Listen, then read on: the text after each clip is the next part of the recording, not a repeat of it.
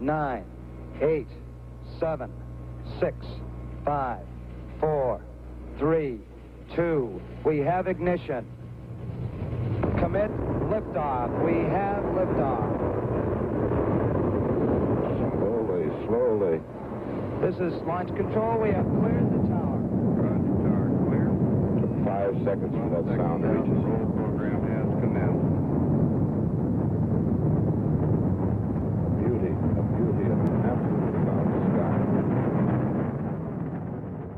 Bandarískir vísindamenn skutu á loft mönnuðu geimfari Apollo 7. klukkan 3 mínútur yfir 15 að íslenskum tíma í dag.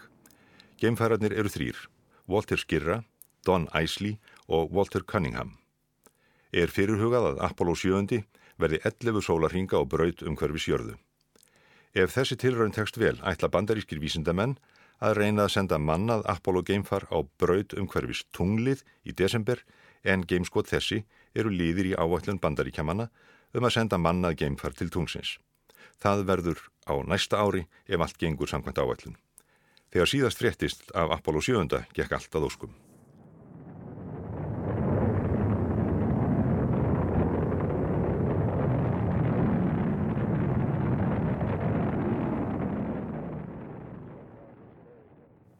Þannig hljómaði fyrsta frétt í ríkisútverfinu föstudaginn 11. oktober árið 1968. Tæp tvö ár voru liðin frá síðustu mönnuðu geimferð bandarækjamanna þegar Apollo 7. var skotið á loft. 20 og 1 mánuður var liðin frá eldsfóðunum í Apollo 1. sem var þremur geimferðum að bana og allir senkun á frekari geimferðum. Áhöfn Apollo 7. átti að ljúka verki látnu félaga sinna og prófa nýtt og endurbætt Apollo geimfarið á brautum jörðina. Þetta var stort skref sem stíga þurfti áður en menn gáttu ferðast frá jörðinni til tungsins. Áhöfn Apollo 7. var því stærstum hluta árana 1967 og 1968 í Kaliforníu í vinnu við Apollo geimfarið. Þeir gættu þess að láta verkfræðingarna vinna fyrir laununum sínum og leituðu að öllum mögulegum veiklegum í geimfarinu og voru gallanir lagfærðir hratt og öruglega. NASA vonaðist enn til þess að verða á undan sovjetmennum til tunglsins áður en áratugurinn var úti en til þess þurfti hver Apollo geimferð að ganga næsta fullkomlega upp áður en tilrun til tunglendingar er við gerð. Leiðangustjóri Apollo 7. var Wally Schirra. Schirra var einn af mörkjur geimförunum 7, fyrstu geimförum bandaríkjamanna. Eins og flesti samstagsfélagi sinna kynntist hann flugi ungur að árum en síndi sjálfur lítinn áhuga á að verða hermaður. Það breyttist eftir árásin á Pearl Harbor og sótti hann þá um að komast í sjóherin. Eftir heimstyrjöldina lærði Sirra að fljúa og flög 90 orustuferðir í Kóriustriðinu og skaut meðal annars niður tvær sovjaskar MIG orustuþótur. Eftir Kóriustriðið gerist Sirra tilraunaflugmaður hjá hernum. Fljótlega eftir það var hún skipað að fara til Pentagon á nokkura skýringa. Við komin að þangað uppgötaði hann að hann kæmi til greina sem geimfari fyrir nýja mörkjurjuverkefnið. Í fyrstu var Sirra fullur evasemda en það breytist þegar hann sá eldflöginna sem kom spútning út í geimin fljúa yfir heiminkolfið. Sirra sá að geimferið var eitthvað sem hann vildi taka þátt í. Hann fór í gegnum allar erfiðu prófanendnar og var að lókum valin sem einn af mörkjur í geimferunum sjö. Í oktober 1962 fór Sirra í sína fyrstu geimferð og dvaldi þá í nýju klukkustundir á brautum jörðina. Þremur árum síðar fór Sirra í sína aðra geimferð með geimin í 6. Geimskotið fór ekki betur en svo að þegar eldflöginu var ræst drap hún á sér. Hún liftist ekkert en var eins og teifandi tímasprengja á skotpallinum. Samkvæmt reglunum hefði Sirra átt að skjóta sér og ferðarfélagi sínum Tom Stafford út úr farinu og þar með eðilegt það og slasa sjálfa sig í leðinni. Sirra skinnjaði þó enga hreyfingu upp á við og ákvað að slönga sér ekki út. Þetta reyndist rétt ákvörðin eftir á að higgja. Þremu dögum síðar tókst gemin í sex og loft og áttu þeir Sirra og Stafford stefnum út í geminum við þá Frank Borman og Jim Lovell í gemin í sjö. Nú var Sirra að fara í sinni þriðju geimferð og fyrstu mönuðu geimferð Apollo sem jafnframt yfir hans seinasta. Sirra hafði ákveð að hætta hjá NASA eftir geimferðina og nýtti sér óspart frelsi sem því fyldi til að stíga á tær nokkura yfirmanna og viðra skoðanir sínar á því sem betur mátti fara. Sirra var breyttur maður eftir eldsvoðan í Apollo 1. Fyrir slísið var hann áallt léttur og kátur og mikill húmoristi, en eftir slísið var hann mjög alvörugefnari. Apollo-geimfarið var enda miklu flóknara en Mercury og Gemini-geimfurinn og Sirra skipti sér mikið af þróun þess. Þessi ákveðni hans að tryggja hnögralausan leðangur fór stundum í tauganar á mönnum og átti eftir að skapa núning millir stjórnenda á jörðinni og áhafnarinnar. Sirra leitt aldrei á sig sem starfsmann NASA, heldur sem Hermann í láni hjá NASA og fannst á því geta sagt það sem honum síndist. Eftir slísið var öryggi haft í fyrirrúmi. Í Mercury og Gemini verkefnunum hafði þíski verkfræðingurinn Gunther Wendt umsjón með því að koma geimförunum fyrir og undibúa geimfarið fyrir geimskott. Geimfariðnir báru allir mikla virðingu fyrir Wendt og var Wally Sirra þar engin undantekning. Wendt starfaði hins vegar fyrir McDonnell fyrirtækið en ekki North American sem smíðaði Apollo geimfarið. Wendt var því ekki viðstatur þegar slísið var því Apollo fyrsta. Sirra var mjög áfram um að fá Wendt aftur til starfa. Það gekk upp og var Gunther Wendt æminlega síðasti maðurinn sem geimfarni sáu áður en þeir fóru út í geiminn. Wendt var því kallaður fóringin á skotpallinum. Walt Cunningham var formlega flugmaður tunglferju, jafnvel þótt engin tunglferja væri í leiðangri Apollo 7. Deke Slayton, yfirmaður geimfarana, hafi valið Cunningham í áhöfni Apollo 7 vegna vísendalegs bakgrunns hans, auk þess sem hann var fyrstaflokks flugmaður. Cunningham hafði aldrei dreymt um að verða geimfari. Á unga aldri hrifst hann af vísendum og var álitin mikið nörd og ekki beinlínis líklegu til að verða þjóðhetja. Áhugi hans á að verða geimfari kviknaði þegar hann hlustaði á útvarpslýsingu á fyrstu geimferð Alan Shepard. Hann dauð öfundaði Shepard af ævintýrunu og hugsaði með sér að þetta væri nokkuð sem hann vildi leggja fyrir sig. Tveimur orðum síðar deildi hann skrifstofu með Shepard. Cunningham var sterkur personuleiki og óhrættur við að tjá skoðanir sínar, eins og Sirra. Personuleikar Cunninghams og Sirra hafa gert hann skikt á þriða geimfarin í áhöfnunni gleymda geimfaran eins og hann er stundum kallaður. Þriði geimfarin var Don Isley, flugmaður stjórnfarsins. Don Isley var engabarn og sá móður hans ekki sólina fyrir honum. Hún sá til þess að hann hefði ávalt nóg fyrir stafni og ofverndaði hann á köplum. Til dæmis hikað hún ekki við að gaggrina skóla yfirvöld ef henni þóttu engunir hans ósangjarnar. Eftir framhaldsskóla ákvað Isley að sækja um í sjóliðskólanum og útskrifaðist þaðan með tveimur öðrum mönnum sem síðar urðu geimfarar. Útskrifstar árið 1952 var örlagaríkt í lífi Æslís. Hann hófa læra flug hjá flughernum, móður sinni til mikil sama og kynntist fyrir eiginkonu sinni, Harriett. Með Harriett eignast hann fjögur börn en þriðja barnið þeirra, Matthew, fætist með dánsheilkinni og án lofa á hægri hendi. Árið 1963 vann Æsley sem tilruna flugmaður hjá hernum þegar hann fekk símtal frá vini sínum Tom Stafford. Stafford var þó orðin geimfari og hvatti Æsli til að sækja um sem hann og gerði. Æsli hafði aldrei haft það markmið að verða geimfari en var ynguða síður valin í þriðja geimfarahóp NASA. Hjá NASA hóf Æsli að vinna við Apollo-verkefnið. Hans helsta hlutverk var að hjálpa til við þróun geimbúningsins en líka Apollo-geimfarsins og tunglferjinar. Æsli var jafnan jarðbundin, afslappaður og fámól og þannig ólíkur flestum í geimfarahópnum en um leið vingjarlegur, mannblendin, opinn, vinnufús og harð duglegur. Fyrsta ár æslis hjá NASA var viðbörðaríkt. Hann misti báða fóröldar sína á hjarta áfölli og egnaðist eitt fjórða barn. Mikið mætti á eiginkonu hans sem sá að mestuleiti einum börnin fjögur og heimilið. Að vera geimfari tók nefnilega sinn toll af fjölskyldum þeirra. Árið 1965 var Æsli valin í áhaupn Apollo 1 á samt Gus Grissom og Ed White. Í ársbyrjun 1966 fór Æsli úr axlarlið og var að fara í aðgerð til að laga það.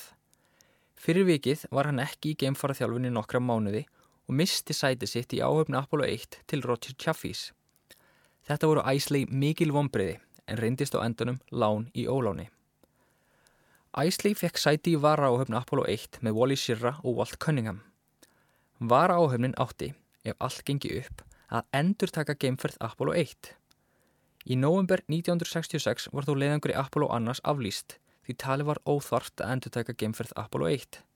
Sirra var þó tjáð að hann fari aldrei aftur út í geimin en það breyttist eftir eldsvoðan í Apollo 1. Þá var skindilega þörf fyrir Sirra á ný og var hann beðin um að stýra fyrstuðu mönnuðu Apollo geimferðinni. Skömmu eftir slísið dundi annað þó enn verra áfalli yfir æsli. Matthew litli sonur hans greindist með kvítblæði og ljast úr sjúkdómnum aðeins 6 ára gammal. Matthew dvaldi lengi á spítala sviðistu mánuðina og varði æsli sjálfur einni nótt með sinni sínum á sjúkrabiðinu en tók það svo næri sér að hann gat það aldrei aftur. Æsli var við hlið svona síns þegar hann lést og hafði það mikil áhrif á hann. Æsli var þó ekki mikið fyrir að tala um tilfinningar sínar, heldur byrði þar enni. Hann varð að einbetta sér að leiðingur í Apollo 7 og var mikið frá fjölskyldu sinni þess vegna. Konan hans var svo gott sem að jafna sig á áfallinu einn sín sliðis, en sem fekk sem betur fyrr góðan stuðning frá eiginkunum annara gemfara. Millir þess sem æsli vanað undibúningi leiðangursins nöyt hann lífsins á Kókoströnd í Flórida. Þar voru gemfariðnir eins og kvikmyndastjörnur og mjög eftirsóttir, sérilagi hjá kvennþjóðinni. Sumir stóðust ekki fristingarnar og heldu fram hjá eiginkunum sínum. Æsli var eitt þeirra. Hann kynntist annari konu í Flórida og hóf samband með henni án þess að skilja við eiginkonu sína fyrst. Haustið 1968 var nýja og endurbætta Apollo-geimfarið líst tilbúið fyrir mannaða prófin í geimnum. Vandamáli í engalífinu virtust ekki trubla undibúning hverðarinn að neitt fyrir en síðustu vikunar fyrir geimskott. Þá átti áhefnin að einbytta sér að leiðangrinum en Æsley lit sér samt hverfa annars slæðið milli æfinga í fangið á hjákununni. Sirra þótti þetta óabyrt, ekki aðeins vegna þess að Æsley var ótrúr eiginkonu sinni, heldur gæð þetta haft slæm áhrif á sjálfa geimferðina. Að morgni 11. oktober árið 1968 settist áhöfn Apollo 7 inn í geimfarið sitt. Þegar Gunther Wendt, fóringin á skotpallinum, kvatti geimfarina og lokaði lúinni, ríkti gravar þögn í geimfarinu. Don Isley rauf þögnina og sagði með sterkum þýskum hreim I wonder where Gunther Wendt. Þótt gameskot Apollo 7 hafi hefnast fullkomlega var Wally Schirra allt annað en sátur. Hann hafði allt fór slísun í Apollo 1 barist fyrir auknu öryggi. Þennan föstudagsmorgun var vindasamt í Flórida. Shirra átti stóran þátti því að settar voru öryggisreglur um að gameskot færi ekki fram nema vindur var í hagstaður. Sú hætta var nefnilega fyrir hendi að ef til þess kæmi að hætta þyrti við gameskot skömmu eftir flugtak geti gamefarið fókið til og lent á landi en ekki hafi. Sætin sem gamefarinni sátu í voru þau sömu og í Apollo 1 og veittu ekki næginlega vernd gegn harkalegri lendingu á landi. Þegar nálgæði skeimskot jók í vindin og þóttu vindurinn hefði farið yfir öryggismörkin hafði engin áhuga á fresti geimskotinu svo endanum fór það fram. Sirra leitt svo á að stjórnendur á jörðinni hefðu broti reglurnar og var öskur reyður. Apollo 7 var komið að brautum jörðina 11 mínundum eftir geimskot. Við nýliðunum Æsley og Cunningham blasti ótrúleg sjón.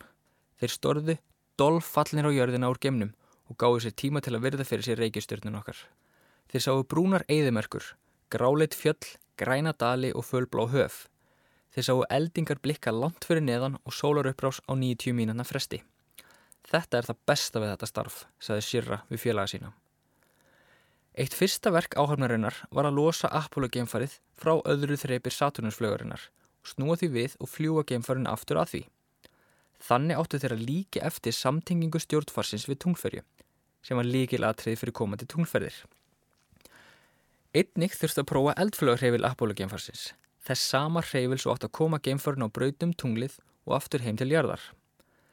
Þegar heifilin var ræstur leið geimfarinnum eins og þeir hefði fengið kröftugt spark í rassin. Eldflögin lifti geimfarin á herri braut á sama tíma og sirra styrði farinum í stýriflugunum. Apollo geimfarið var prófað ítarlega og allt gekka eins og í sögu. Geimfarið starfaði betur en nokkur þorði að vona. Flug áallun Apollo 7 gerði líka ráð fyrir því að að minnst okkusti einn geimfari stæði vaktin á öllum stundum. Þetta reyndist erfitt því nánast ómögulegt var fyrir geimfar að vinna án þess að tröfla svefn hinna. Fyrir vikið sváfu geimfariðnir nánast ekki neitt þá 11 daga sem þeir dvöldu í geimnum. Sirra og Cunningham áttu að sofa samtímis á meðan Æsley stæði vaktina. Þegar Æsley svaf áttu svo Sirra og Cunningham að vinna. Æsley átti erfitt með að halda sér vakandi á meðan félagar hans sváfu og tók örfandi lif til að sopna ekki. Æsley átti sumulegis erfitt með svefn þegar Sirra og Cunningham vöktu. Eitt sinn sá Cunningham Æsley svífandi með blíjandi hendinni og lítandi út fyrir að vinna. Hann hafði hins vegar steinsopnað í miðjum klíðum. Aðspurður hvort hann hefði dreymt þegar hann svaf, svaraði hann játandi. Hann dreymdi látna són sinn Matthew öllum stundum. Fyrsta dæn í geimnum fekk Wally Schirra slæmt kvef sem smitaðist fljótlega yfir í æsli. Sennilega er ekki hægt að hugsa sér verri stað fyrir kvef en geimfari þingdalessi. Þingdalessi þýtti það að hórið rann ekki úr nefnu, stíplaði allt og allir miklum höfuverk. Wally leið umurlega. Kvefið og sveplesið átti líklega sinn þátt í því að mikill pyrringur varð á milli geimfarana og stjórnstöðurinnar. Fyrsta daginn í geimnum átti það sjónvarpa beint úr geimfarinu. Sirra hafnaði því en það leið honum illa, auk þess sem nokkur mikilvægur verkefni voru ókláruð. Sirra ákvað að hafna beðnum frá stjórnstöðinni en slíkt var óheirt fram til þessa. Sirra var ekki einn um að vera fúll út í stjórnstöðina. Æsley reyndi að ljúka verkefni sem tengdist tölvunum borð í gemfarinu, en ekkert gekk því stjórnstöðin sendi tölvunni rángar skipanir. Æsley hafði varið lungum stundum í að þróa leiðir til að prófa tölvuna og gemfarið á brautumjörðina, en vanhugsaða skipanir frá jörðinni eðluðu þær. Hver í fjandanum sendi þetta upp? Hvaða fíbl sendi þessa skipanir? saði hann pyrraður við stjórnstöðina. Á endanum leisti Æsley þó vandamálið upp á eigin spýtur.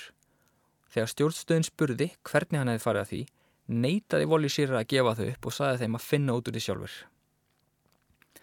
Geimfariðnir reyfist ekki bara við stjórnendur í jörðinni, heldur líka innbyrðis. Sýra og Æsley reyfist heiftarlega og sagaði Sýra Æsley um uppreist. Þeir sættust þó fljótt og eftir geimfariðina jós Sýra Æsley lofi. Bandaríska geimfærið Apollo 7 lendi heilu og höldnu í dag um 300 km suðaustur af Bermudaegjum. Hafði geimfærið þá verið á braut um hverju sjörðu í nær 11 sólarhinga og þykir geimferðin hafa tekist mjög vel.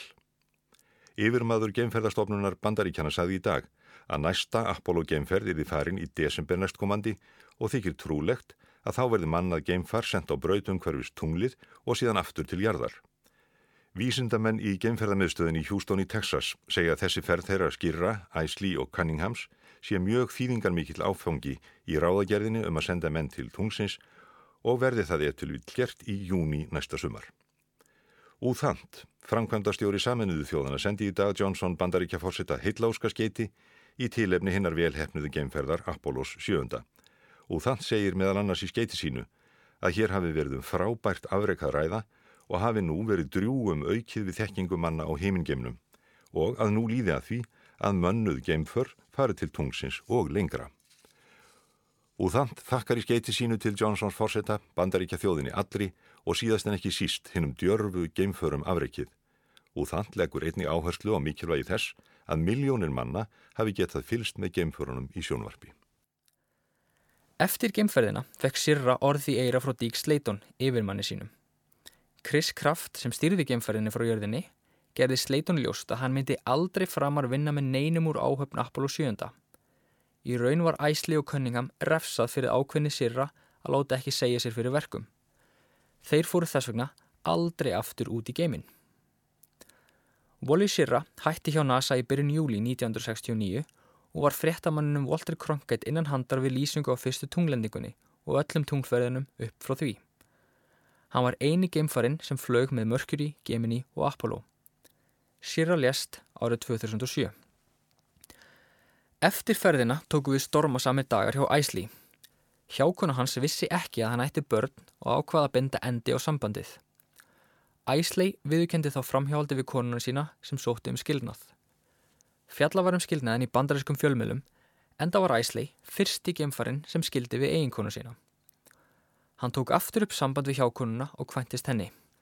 Í desember árið 1987 var Æsley stattur í Tókjó á samt Alan Shepard þegar hann lest úr hjarta áfalli eins og báðir fóröldrar hans aðeins 57 ára gammal. Þrátt fyrir önuga, kvefaða og svefnvana geimfara og slæm samskipti millir þeirra á jarðar, hefnaðist leiðangur Apollo 7 fullkomlega. Raunar hefnaðist leiðangurinn svo vel að ekkert var lengur því til fyrirstöðu að senda næsta Apollo geimfar, Apollo 8, alla leið frá jörðinni til tunglsins.